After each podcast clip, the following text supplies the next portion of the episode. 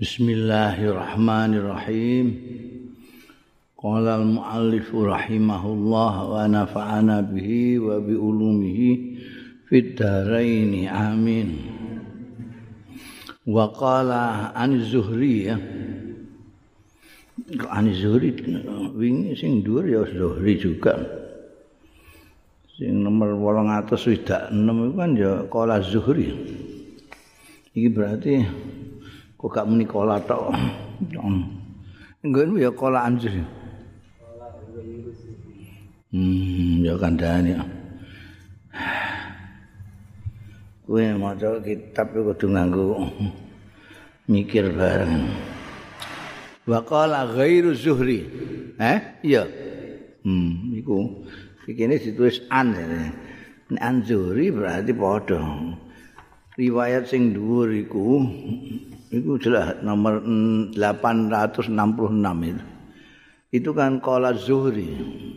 Zuhri itu ahli tarikh, ahli sirah, ahli biografi. Itu sing dhuwur iku dari beliau.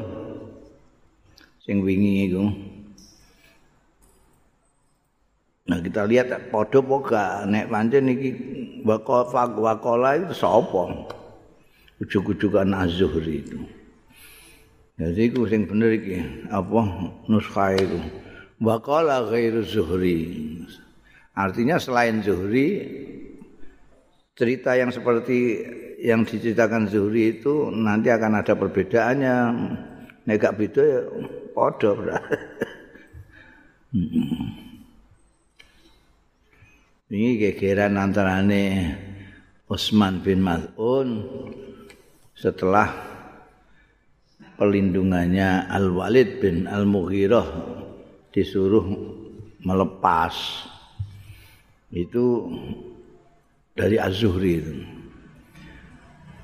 Wa qala ngendika sapa ghairu Zuhri selain Zuhri dari Ahli Tarikh. Itu mengatakan faqala labid. Ada tambahan qala labid. Mengucap sapa labid. Ketika gegeran kan kemarin itu eh, Abdullah bin Mas'ud itu minta kepada penjaminnya yang melindungi yaitu pamannya tokoh sesepuh Ufal Quraisy Al Walid bin Mughirah. Aku antarkan ke orang-orangmu orang-orang Quraisy bilang kamu sudah tidak lagi menjadi pelindungku Kenapa Abdullah bin Mas'ud mengatakan demikian? Kemarin itu menurut Az-Zuhri karena beliau melihat kawan-kawannya itu menderita. Dia kok sendiri kok selamat wilujeng karena dapat pelindungan Al-Walid bin Muhira. Dia ingin solidaritas, maka minta supaya dilepaskan.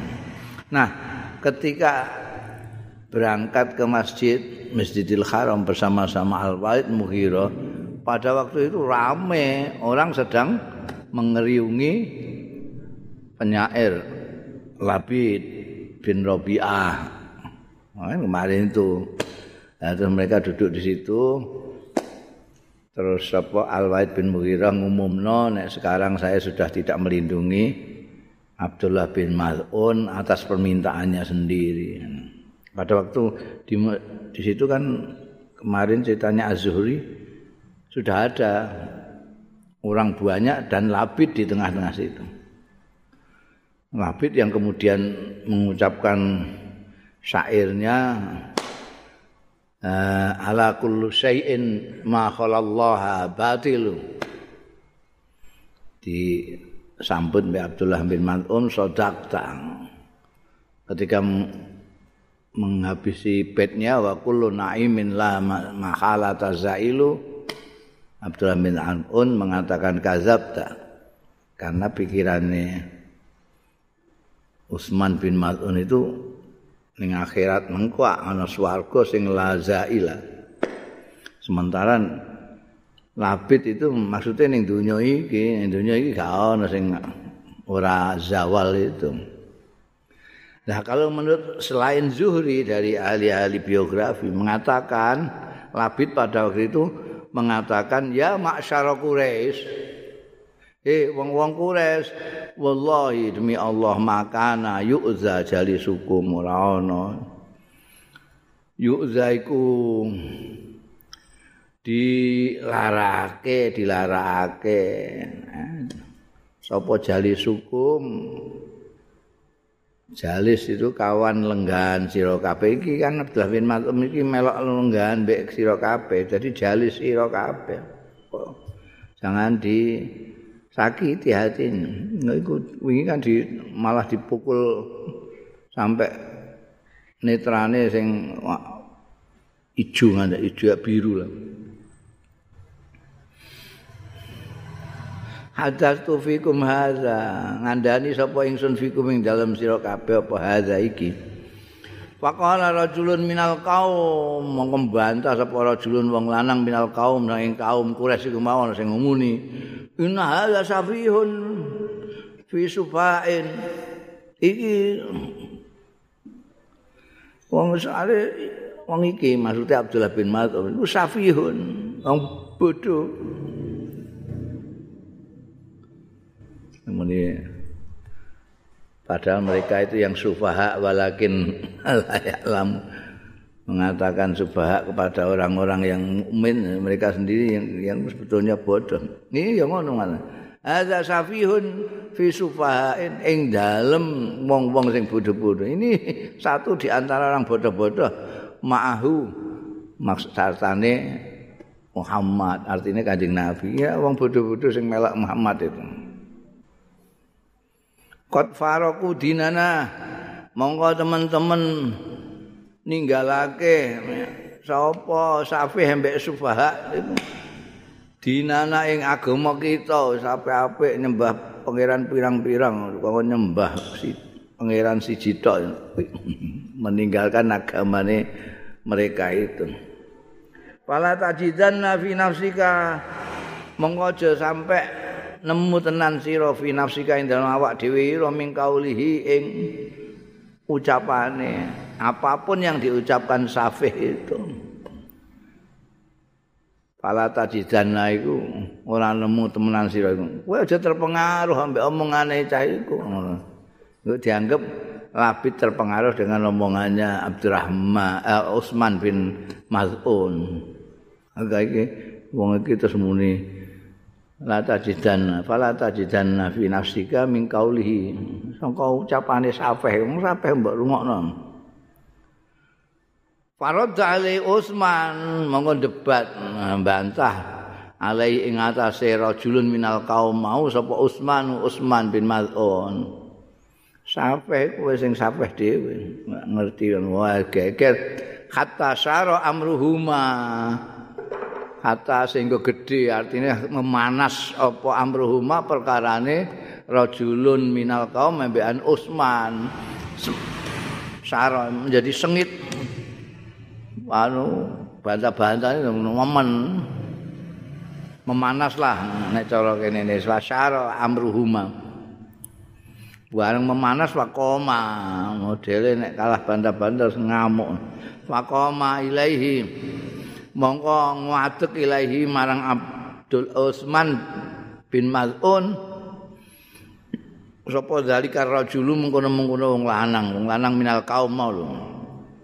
Falato ma'ainahu mongko mukul sapa jota sapa rajul dari rajul ainahu ing netrane Utsman bin Mal'um fatahaddaraha mongko ndadekno ijo ya iku biru lah. Dadi uh, nek bar dipukul apa jenenge apa? Apa nek dipukul terus ijo terus biru terus ireng ngene apa? Hmm, ya Allah.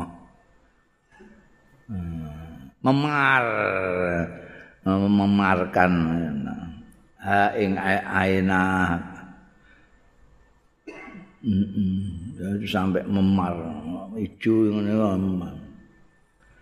Wal itu Ibn al-Mughirah, utai Walid bin Mughirah, itu koribun. Parek, gue yang kait mau barengane Utsman bin Mas'ud ya pancen Walid bin Mughirah. Sing ngejak ning gone kumpulane wong-wong Quraisy itu ya Utsman bin Mas'ud. Bal Walid bin Mughirah iku karibun cedhak ya ngerti sapa Walid roh Walid ing kejadian iku. Utsman bin Mas'ud sing asale dilindungi di ini terus melepaskan diri dari jiwarnya saiki roh dene diwampleng wong ngantekan biru ngantek ijo Faqala maka celatu sapa Walid bin Mughirah. Ama wallahi eling. Wallahi demi Allah ya ibna akhi he anake dulurku. Eh ponak aku? Ing kanat ainuka ora ana apa ainuka? Ing kanat setuhune kelakuan kanat ana no. Ing in setuhune kelakuan kanat ana apa ainuka? Mripatira ama asoba saking barang kang ngeneki ya ma ing ainuka. Iku lagoniatan yakti sumuge. Mripatmu ora butuh empilingan barang ngono iku gak butuh. Wa kunta ana lan ana sira fi ing dalem jaminan sing kokoh sing melindungi. Kowe tak lindungi apik-apik. Kowe njaluk dibebasno. Jane nek kowe tetep tak lindungi kan ya ora ngantek. Mripatmu ngono kuwi kena jotos ngono kuwi. Maksude ngono. Jane gak butuh mripatmu dijotos barang ngono nek kowe tetep dalam perlindunganku. Faqala Utsman monggo ngendika sapa Utsman wallahi demi Allah inna aini as-sakhiha setuhune mripatku sing sehat sing ora bal diantem iki mam. La fakiratun yekti iku butuh. Ilama maring barang asoba sing ngeneki ya mah ukhtaha ing dulure aini asakhiha malah mripatku sing waras iki kepengin kaya dulure jare diantem sisan. Malah ngono jawabane. Eh asobah ukhtaha fillahi ing dalem agamane Gusti Allah. Fisabilillah. Oh pengen sing tak meri. Mripatku sing sisah iki meri. Kok gak kena kaya kantane dulure. Sumakala kari-kari ngendika sapa Usman fa intaku fa intaku aini fi ridar rabbina laha.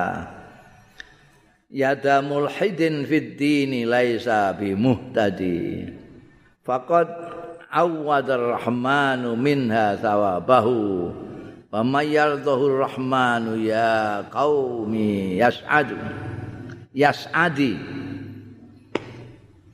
fa inni wa in qultum ghawa ghawiyun mudallilun safihun ala dinin nabiyyi muhammadi.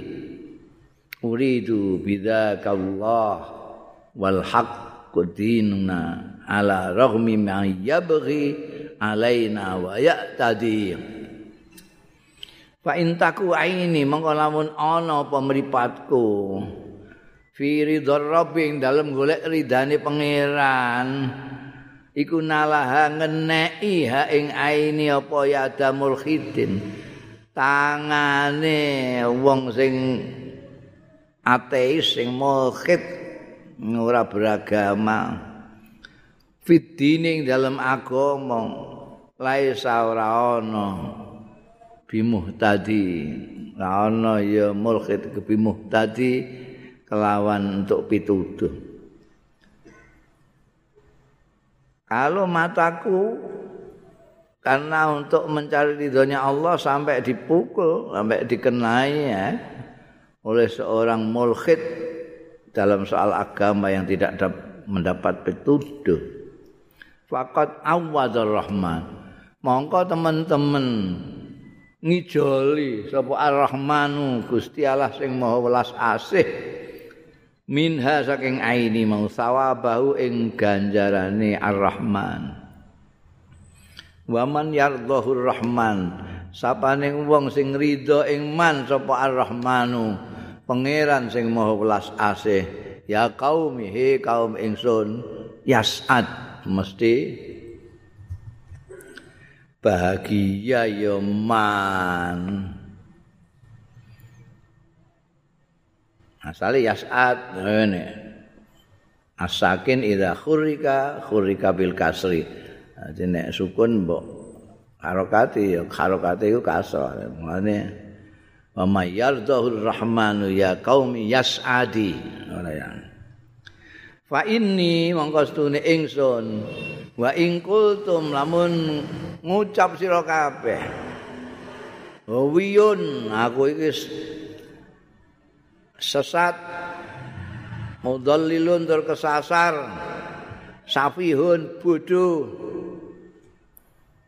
padahal aladinin nabi yang atas agama nih kanjeng nabi Muhammadin sallallahu alaihi wasallam. Uridu ngarepake sapa ingsun? Bisa kelawan mengkono-mengkono mau. Aku mengikuti agamanya Nabi Muhammad sallallahu alaihi wasallam mbok darani sesat mbok darani bodho ora urusan aku sing tak karepno Gusti Allah taala untuk ridani Gusti Allah. Wal haqqu dinuna utawi kebenaran iku agama kita. Ala rahmiman ala rahmikum meskipun hmm, tanpa kehendaknya ala rahmi ing atase meskipun tidak disukai. Iku ala rahmi. Mayyabghi alaina wong sing kepengin ya man alaina yang ingin ngelacuti ya begitu baga ya begitu bagaimanapun orang yang melacuti ngelacuti alaina ing atase kita ing atase ingsun wayak tadi lan jahati tidak ya tadi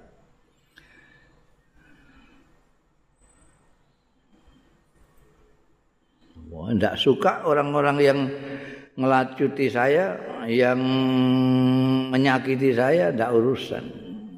Karena saya tahu agama ini yang benar agama Nabi Muhammad sallallahu alaihi wasallam.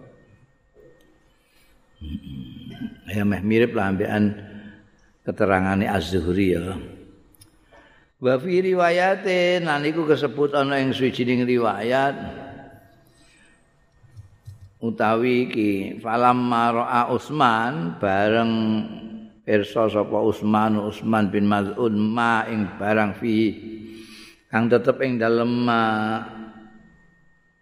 pirsa ashab Rasulillah ing sahabat-sahabat Rasulillah sallallahu alaihi wasallam. Bayane ma fihi minal bala nyatane cobaan. Wa huwa yaghtu wa huwa kale utawi Utsman iku yaghtu isu-isuan wa ya sore-sore. Fi aman ing dalem keamanan. Artinya selamat wilujeng ora ana apa-apa. Minal walidi saking al walid jadi aman gara-gara dilindungi oleh al walid bin mughirah.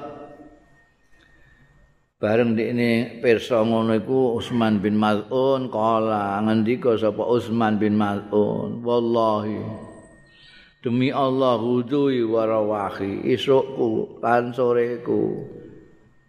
Aminan hale aman. Tidak ada yang ganggu. Bijiwari rajulin min ahli syirki. Kelawan perlindungane wong lanang min ahli syirki saking ahli nyekutokno Gusti Allah. Sementara wa ahlu dini utai ahli agamaku. Iku yalqauna menemui ya ahlu dini minal azab nyatane piloro wal bala ilan cobaan nemoni maing barang layu sibuni kang ora ngenek ya maing ingsun. Lanaksun jadi iki anune ning guri. Huduwi warawahi aminan bijiwari rajulin min ahli syirki wa ahli dini yalqauna min al wal bala ma la yusibuni iku lanaksun yakti merupakan kekurangan kabirun sing gede cacat sing gede tenan.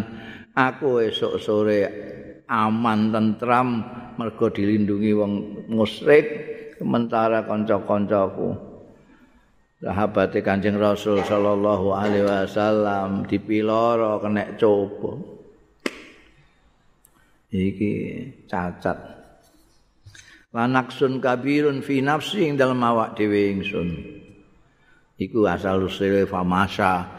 Mongko tindak sapa Usman bin Af Usman bin Maz'un ilal walidi marang al walid rajulun min ahli sirki mau. Faradda ilaihi mengkembalekna sapa Utsman bin Maz'un ilaihi marang al walid jiwarahu ing per, per, perlindungane al walid ya. Ya meh padha karo riwayat sing Zuhri mau ya. Eh, beliau solidaritas dengan kawan-kawannya. Oh kebangetan temen aku enak-enakan aman tentram mergo dilindungi. Walid bin Mughirah anca-kancaku do disiksa.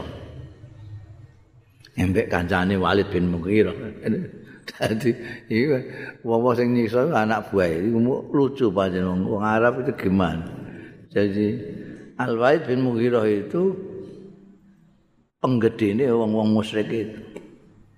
Wong musyrik-musyrik iku sing padha nyiksa ngani ngoyo wong-wong sing melok Kanjeng Rasul sallallahu alaihi wasallam. Tapi Utsman bin Mal'un ora diapa-apakno mergo dilindungi oleh Al Walid bin Mughirah. Iku piye cara berpikir itu lucu. Jadi mereka itu tergantung kepada orang ini ada yang melindungi dari kalangannya dia atau tidak. Mm -mm. Faslun ruwiya an Aisyah ta diriwayatake saking Sayyidatina Aisyah radhiyallahu anha an Qudamah bin Maz'un saking Qudamah bin Maz'un Qudamah bin Maz'un ini saudaranya Utsman bin Maz'un Anna Nabi satuhune Kanjeng Nabi sallallahu alaihi wasallam iku qabbala Utsman bin Maz'un ngecup sop sapa Kanjeng Nabi sallallahu alaihi wasallam Utsman bin Maz'un ing Utsman bin Maz'un khina mata nalikane kapundhut ya Utsman bin Maz'un ala khaddi ing atase pipine Utsman bin Maz'un ketika wafat Kanjeng Nabi Muhammad sallallahu alaihi wasallam sempat mengecup pipinya Utsman bin Maz'un menunjukkan ah, dudukannya Utsman bin Maz'un di sisinya Kanjeng Rasul sallallahu alaihi wasallam. Yang cerita saudaranya sendiri Qudamah bin Mal'un wa qalat ala wa qalat an matur sapa ummul ala ya Rasulullah. Duh Kanjeng Rasul. Tuh matur iku wadzalika utahe pemature. Oh iki dikai cret-cret ngono lho ben apa kaya ngguri iki cerat-cerate. Wadzali kautai pemature umul ala niku Kanjeng Rasul mau iku khina mata Utsman bin Maz'un nalikane kapundhut sapa Utsman bin Maz'un. Matur piye? Ra'aitu li Utsmana kula kok ningali li Utsmana kedue Utsman takni ngarepake sapa umul ala fin naumi ing dalem turu. Berarti ngipi. Jadi ngipi umul ala ini ngipi. Ngerti apa? Ra'aitu li, usm, li Usmana ainan. Mata air yang tajri. Sing mili ya ainan. Ada mata air yang jernih. Itu mengalir itu. Pakola mengko dawuh sapa Rasulullah sallallahu alaihi wasallam ngomentari ngimpine Umul Ala. Zaka amaluhu. Tae mengkono-mengkono mau ainan sing tajri. Iku amaluhu ngamale Usman bin Mal'un. Jadi amale iku jariah, mili terus kaya impenmu ya ainun yajtajri ya ainun tajri ora ngamale itu ora pedot terus jeneng terus saiki terkenal jeneng ana istilah amal jariah amal sing mili lumintu terus meskipun orangnya sudah wafat. Waruya annahu lama matat ruqayyatu. Diriwayatake apa ana ustune kelakuan lama matat nalikane kapundhut sapa ruqayyatu Sayyidatina Ruqayyah ibnatu Rasulillah sallallahu alaihi wasallam. Kala Rasulullah dawuh sapa Kanjeng Rasul sallallahu alaihi wasallam ilhaqi nutut ana sira metuk metuk ana sira bisalafina salih kelawan salaf kita asali sing saleh wa fi riwayat lan iku disebut ana ing riwayat ora salafina saleh tapi bisalafinal khair. Salaf kita sing bagus maksudnya Utsman bin Mal'un. Jadi kapundute Sayyidatina Ruqayyah itu setelah Utsman bin Mal'un. Ini komentari kanjeng Nabi ketika apa namanya putranya putri istrinya Sayyidina Utsman Ruqayyah ya. Kapundut ilhaqi bisalafina salih maksudnya kan metuwi Utsman bin Mal'un. Waruwiya annahu lamma mata. Waruwiya lan diriwayatake apa annahu stune kelakuan. Lamma mata nalikane kapundut sapa Utsman bin Mal'un ing Ka'bah nungkepi alaihi ing atase Utsman bin Maz'un sapa Nabi Kanjeng Nabi sallallahu alaihi wasallam nungkepi jenazah. Sumarafa mongko kere-kere ngangkat sapa Kanjeng Nabi sallallahu alaihi wasallam roksahu ing mustakane Kanjeng Nabi. Sumahana asaniyata mongko kere-kere dingkluk meneh ha nungkepine sapa Kanjeng Nabi sallallahu alaihi wasallam asaniata ing ambil kaping pindho? Bar nungkepi jenazah saya iku mau nek mbok kaitno mbekan riwayat saka Qudamah bin Mal'un. Dari ngungkepi iku nyucup pipine Utsman jenggelek tapi sumah hana asania. Nungkepine Sumahana asali sata mongko keri-keri. Apa mau? Apa mau maknanya Hana? Eh? Eh? Ya di di iku ingkuk meneh sing ambal kaping telu. Summa rafa'a ra'sahu mongko keri-keri. Jadi sampai tiga kali. Ya nungkepi Usman bin Mat'un iki ndenggelek ngepineh ndenggelekne ngepineh ndenggelekne sampai ping telu. Sumarafa arasahu mongko keri-keri ngangkat yang ketiga kali. Ngangkat sapa Kanjeng Nabi sallallahu alaihi wasallam. Roksahu ing mustakane Kanjeng Nabi sallallahu alaihi wasallam. Balahu. Lan niku keduane Kanjeng Nabi sallallahu alaihi wasallam. Syahikun utawi narik napas panjang. Saya itu narik panjang Ah, jadi setelah tiga kali mengkapi Utsman bin Maz'um ini beliau terus unjalambekan syahid. Dia pun tarik napas panjang. Summa qala mongko kari-kari dawuh sapa Kanjeng Nabi sallallahu alaihi wasallam.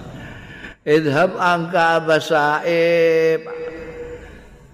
Pergilah angka sakat dari dirimu idhab berangkat sira angka saking diri kamu ya Aba Saib. Eh Abu Saib. Abu Saib itu kunyae Utsman bin Mal'un. Kon Abu Sa'id Fakat kharajat minha. Monggo teman-teman wis met fakat kharajta kharajta. Fakat kharajta monggo teman-teman metu sira minha saking donya Walam tal tamis lan orang gepok sira minha saking donya bisain kelawan apa-apa. Itu pernyataan pangalembonane Kanjeng Rasul sallallahu alaihi wasallam yang disampaikan pada saat Utsman bin Maz'un kapundo ya apa saya pergilah kamu keluar dari dunia ini tanpa kamu itu tergoda sama dunia belas kamu tidak pernah taltamis minum mencari-cari dunia belas orang tahu bisa ini apa-apa artinya nggak tahu belas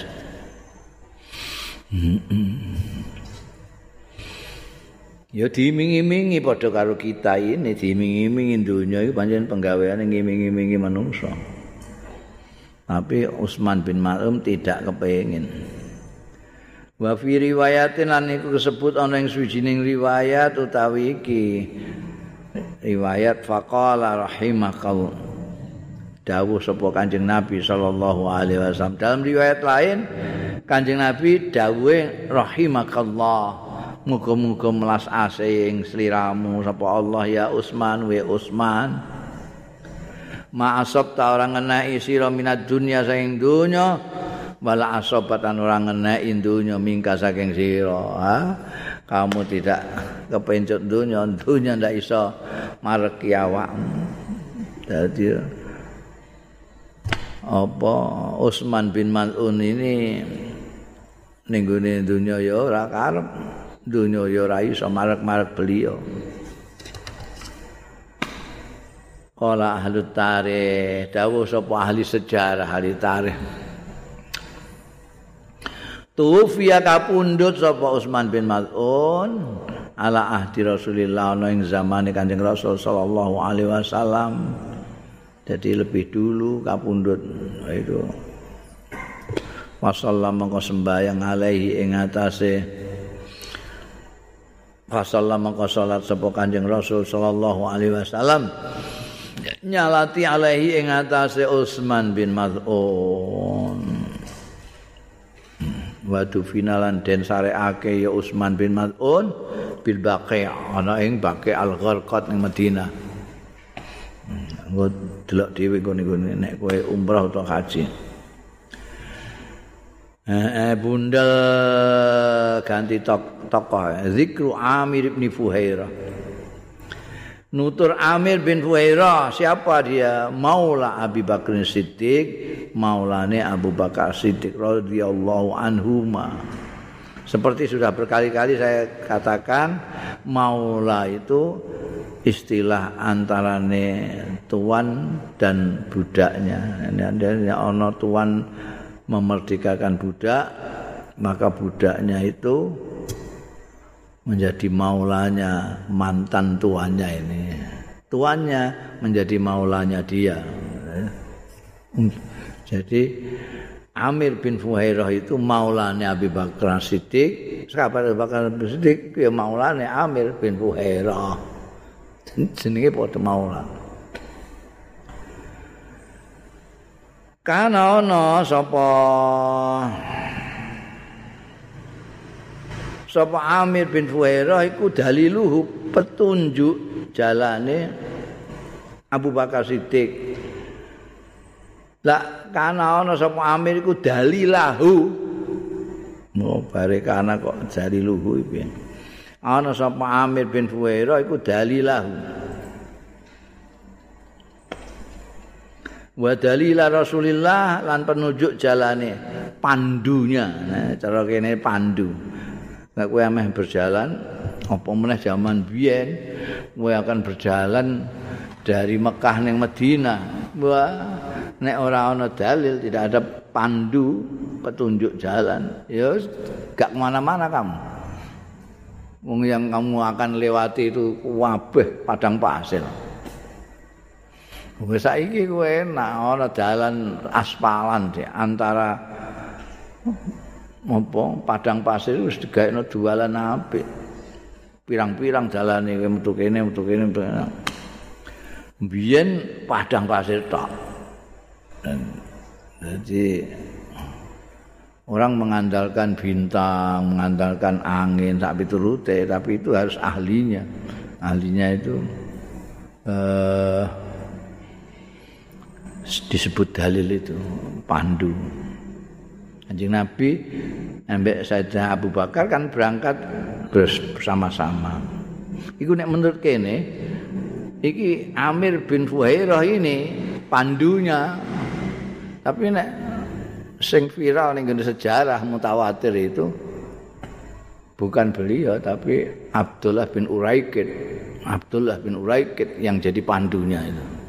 Yang masih apa namanya masih belum masuk Islam Abdullah bin Uraikid itu nek ngene riwayat tarikh-tarikh kan Abdullah bin Uraikid sementara ning tarikh-tarikh yang viral itu yang mutawatir itu pandunya Abdullah bin Uraikid sedangkan Amir bin Buaira tukang ngeladeni Kanjeng Nabi karo Sayyidina Abu Bakar nek perlu apa-apa. Kayak Khatam meskipun sudah bukan budak ya.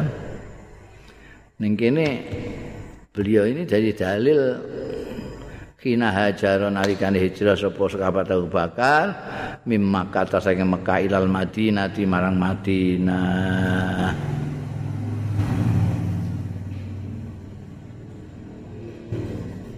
Iku nomor pitu ana catatan kaki, catatan kaki ning isor. Hmm, iki. Bal dalil huwa Abdullah bin Uraikid kama fi siratil Hisham wa tabaqat Ibnu Sa'ad. Jadi ning kitab-kitab tarikh itu selalu yang disebut dalilnya beliau berdua itu Abdullah bin Uraikid.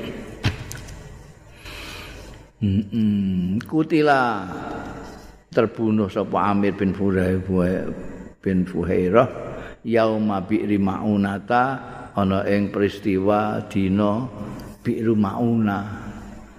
Yang dibodoni kan jarene kongkon ngirim orang-orang yang ngerti agama untuk ngajar kirim 40 apa berapa dipateni kabeh kan. Termasuk Amir bin Fuhairah.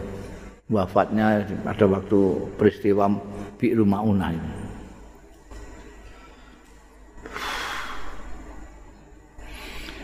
Kala Amir bin At-Tufail, andika sapa Amir bin At-Tufail, ra'aituhu ningali sapa ingsun? Hu ing Amir bin Fuhairah.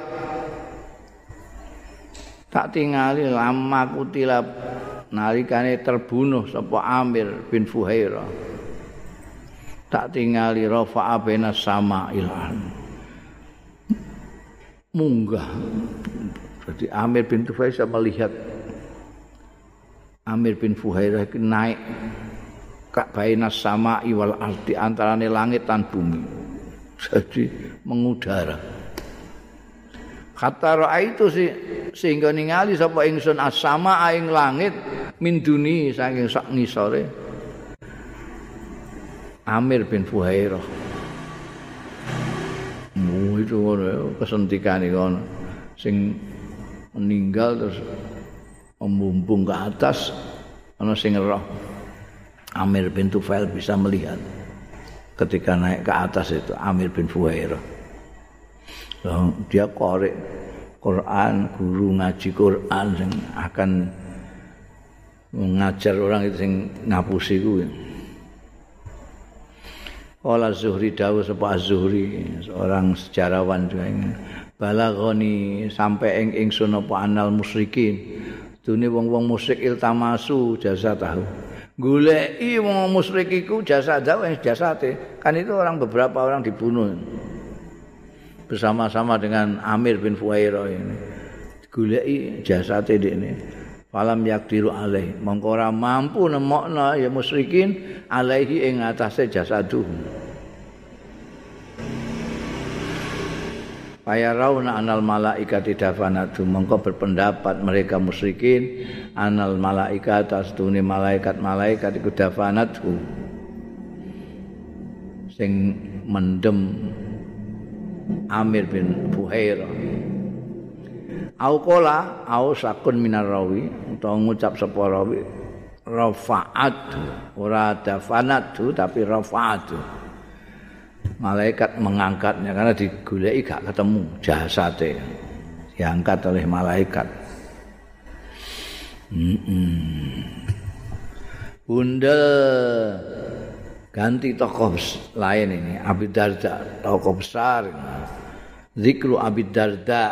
Abi Darda itu kunyahnya ya. kunyahnya asmane Uwaimir bin Amir. Uwaimir bin Amir. Ya. Ramane Amir putrane Uwaimir.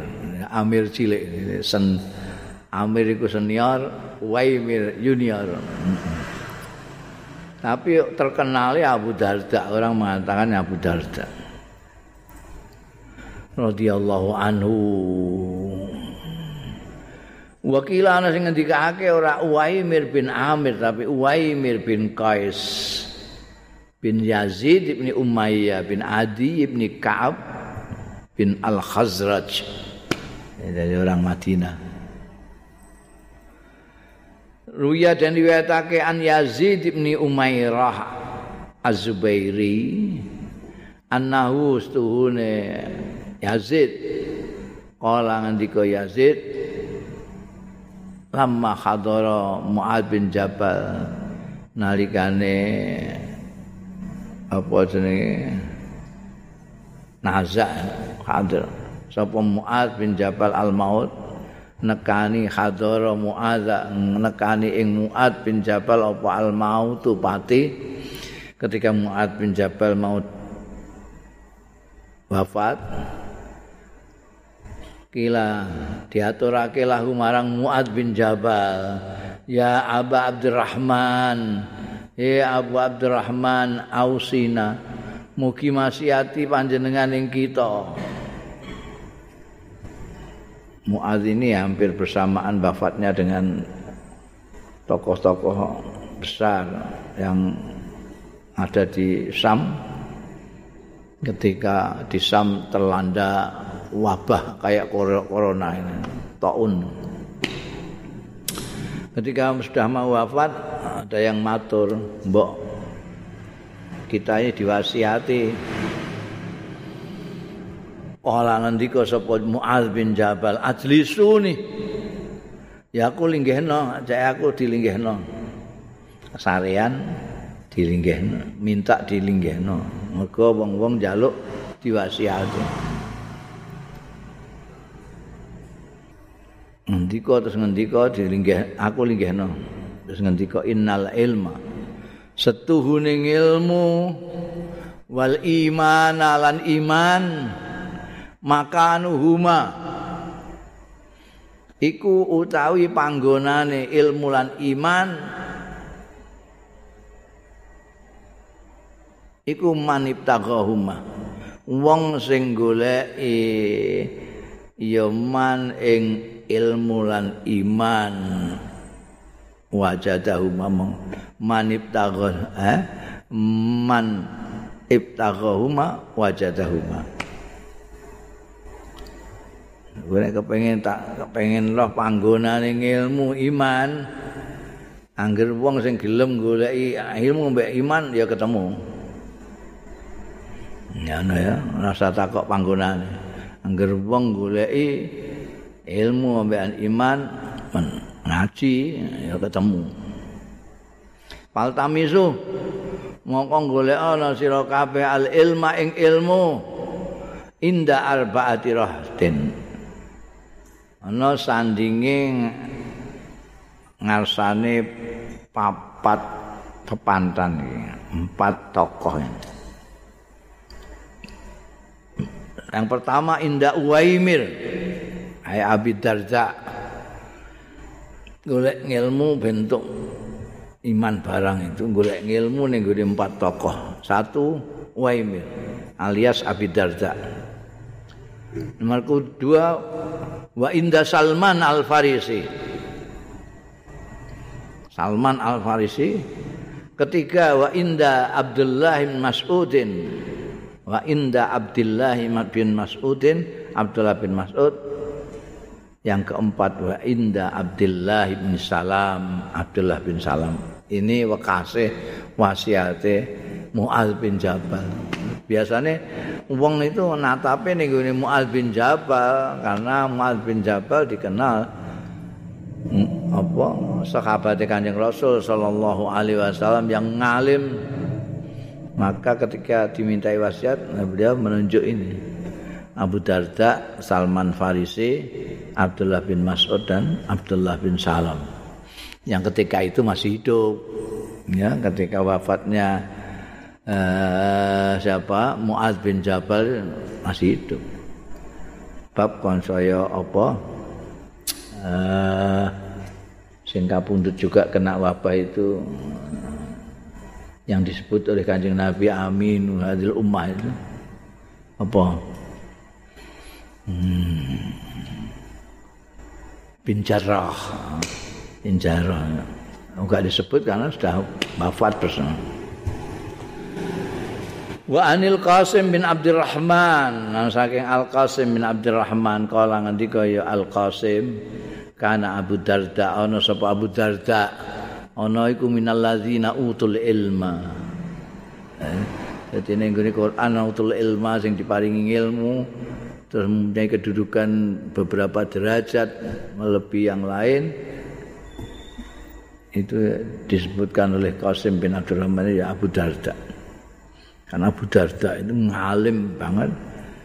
Ngalim sesuai sesuai dengan penilaiannya Muaz bin Jabal. Ngalim dan mengamalkan ilmunya orangnya apa namanya orang bijak eh, disebut kanjeng Rasul kanjeng Rasul Shallallahu Alaihi Wasallam itu eh, memberikan sebutan kepada murid-muridnya, sahabat-sahabatnya itu sesuai dengan kapasitas masing-masing. Jadi kayak kemarin itu Abu Hurairah disebut wi'aul ilmi. Wi'aul ilmi. Sayyidina Ali disebut babu Madinatul ilmi. Ana Madinatul ilmi wa aliyun babuha. Ono sing eh, apa Aminul Ummah bin Jarrah disebut Aminul Ummah. Abu Darda itu terkenalnya Hakimul Ummah. Hmm, jadi disebut Hakimul Ummah. Jadi orang bijak, orang bijaksananya, orang bijaksananya umat Muhammad Sallallahu Alaihi Wasallam ya Abu Darda ini. Maka banyak kata-kata hikmah, kata-kata mutiara yang berasal dari beliau. di samping Abdullah bin Umar ya. Wa anil Qasim bin Abdurrahman dia termasuk alladzina utul ilma. Wa qala Yazid bin Muawiyah Ini sapa Yazid bin Muawiyah? Kalau komentari Yazid bin Muawiyah, karena Abu Darda, ana sapa Abu Darda iku minal fuqaha il ulama.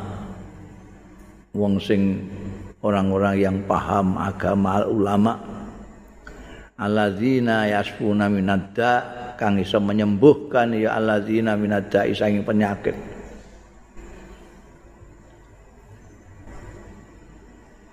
Biyen peristilahan fukoha itu ya orang alim dari kata-kata fakwa itu orang yang paham, orang yang paham. Oke. Sebelum belakangan ini ada ilmu fikih, begitu belakangan ada ilmu fikih ilmu yang khusus mempelajari hukum-hukum agama Islam maka orang yang ahli hukum-hukum Islam disebut fakih dan fuqaha nek biyen orang fakih fuqaha itu ya apa jenenge? Wong sing paham tentang agama. Seperti Abdullah bin Abbas yang didongakno Kanjeng Nabi Muhammad sallallahu alaihi wasallam Allahumma faqihu fiddin dipahamkan betul dengan agama. Sementara ulama orang jamaknya alim orang yang ngerti yang paham ngerti menurut Yazid bin Muawiyah Abu Darda ini ya ulama ya fuqaha.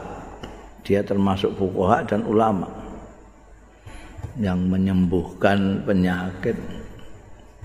Penyakit itu ada yang penyakit fisik yang bagiannya tabib ada yang penyakit mental, penyakit hati, penyakit jiwa itu urusannya kanggo yang ngobati ora tabib tapi fakih utawa alim. Wa qala Sufyan ngendika sapa Sufyan kana Abu Darda yajtahid. Ana sapa Abu Darda iku yajtahid itu ijtihad. seperti kemarin itu kan ada mustahid di dalam Islam itu tidak hanya masa-masa belakangan aja yang ada mustahid. Sebelumnya juga sudah ada di zaman sahabat itu. istilah ijma pada sahabat juga ada ijma sahabat juga ada ini di antara mustahid Abu Darda wingi tak kandakno ana sing istilah jihad yaitu yang orang yang berjuang fisabilillah secara fisik. Ada yang sing mujahadah orang yang terus apa beribadah memohon Tuhan mujahadah. Ada yang mujtahid. Abu Darda ini sebetulnya dia bukan hanya istihad fil fil afkar tapi juga fil qalb artinya di samping mujtahid juga mujahid. Artinya sing ahli mujahadah juga. Mujahadah. Boleh ahli ibadah juga. Meskipun tidak sampai hobi kayak Abdullah bin Amr bin As Fakila lahu fi dzalika mongko diaturake lahu marang Abu Darda. Fi dzalika ing dalem mengkono-mengkono kenapa dia istihad begitu. Faqala maka dawuh sapa Abu Darda, "Inna ashabi sabakun." Setuhune kanca-kancaku iku wis ndisiki ya ashabi ing ingsun. Kenapa begitu? Karena beliau ini tidak tidak ikut dalam perang Badar. Ini dia. Walam yakun syahidah Badran. Walam yakun ana ana sapa Abu Darda ora ana iku syahidah Badran melok perang Badar. Jadi dia datang itu pas setelah kepada Rasulullah Shallallahu Alaihi Wasallam itu setelah perang Badar. Jadi dia tidak ikut perang Badar. Padahal perang Badar itu dianggap topnya sahabat yang ikut Badar.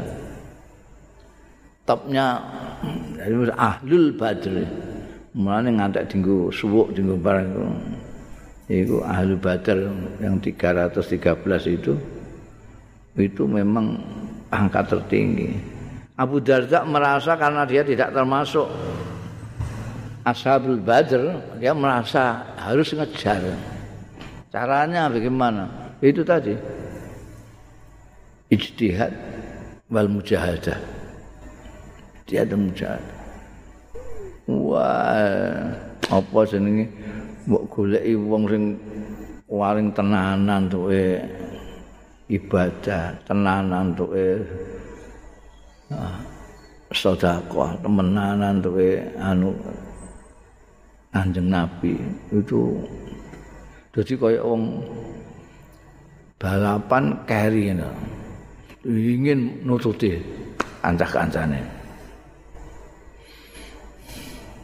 Wa qala Rabi'ah bin Yazid, andika sapa Rabi'ah bin Yazid, kana ana sapa Abu Darda idza haddasa bil hadis tatkala nyeritakno ya Abu Darda bil hadis iklan hadis an Rasulillah saking Rasulillah sallallahu alaihi wasallam fasa qalbuhu geter apa kalbu hati jadi seperti piye meh gak diceritakno piye wong iku pancen dawuh Kanjeng Nabi dan itu pada waktu itu uh, situasi dan korinahnya membutuhkan dawai kanjeng Nabi.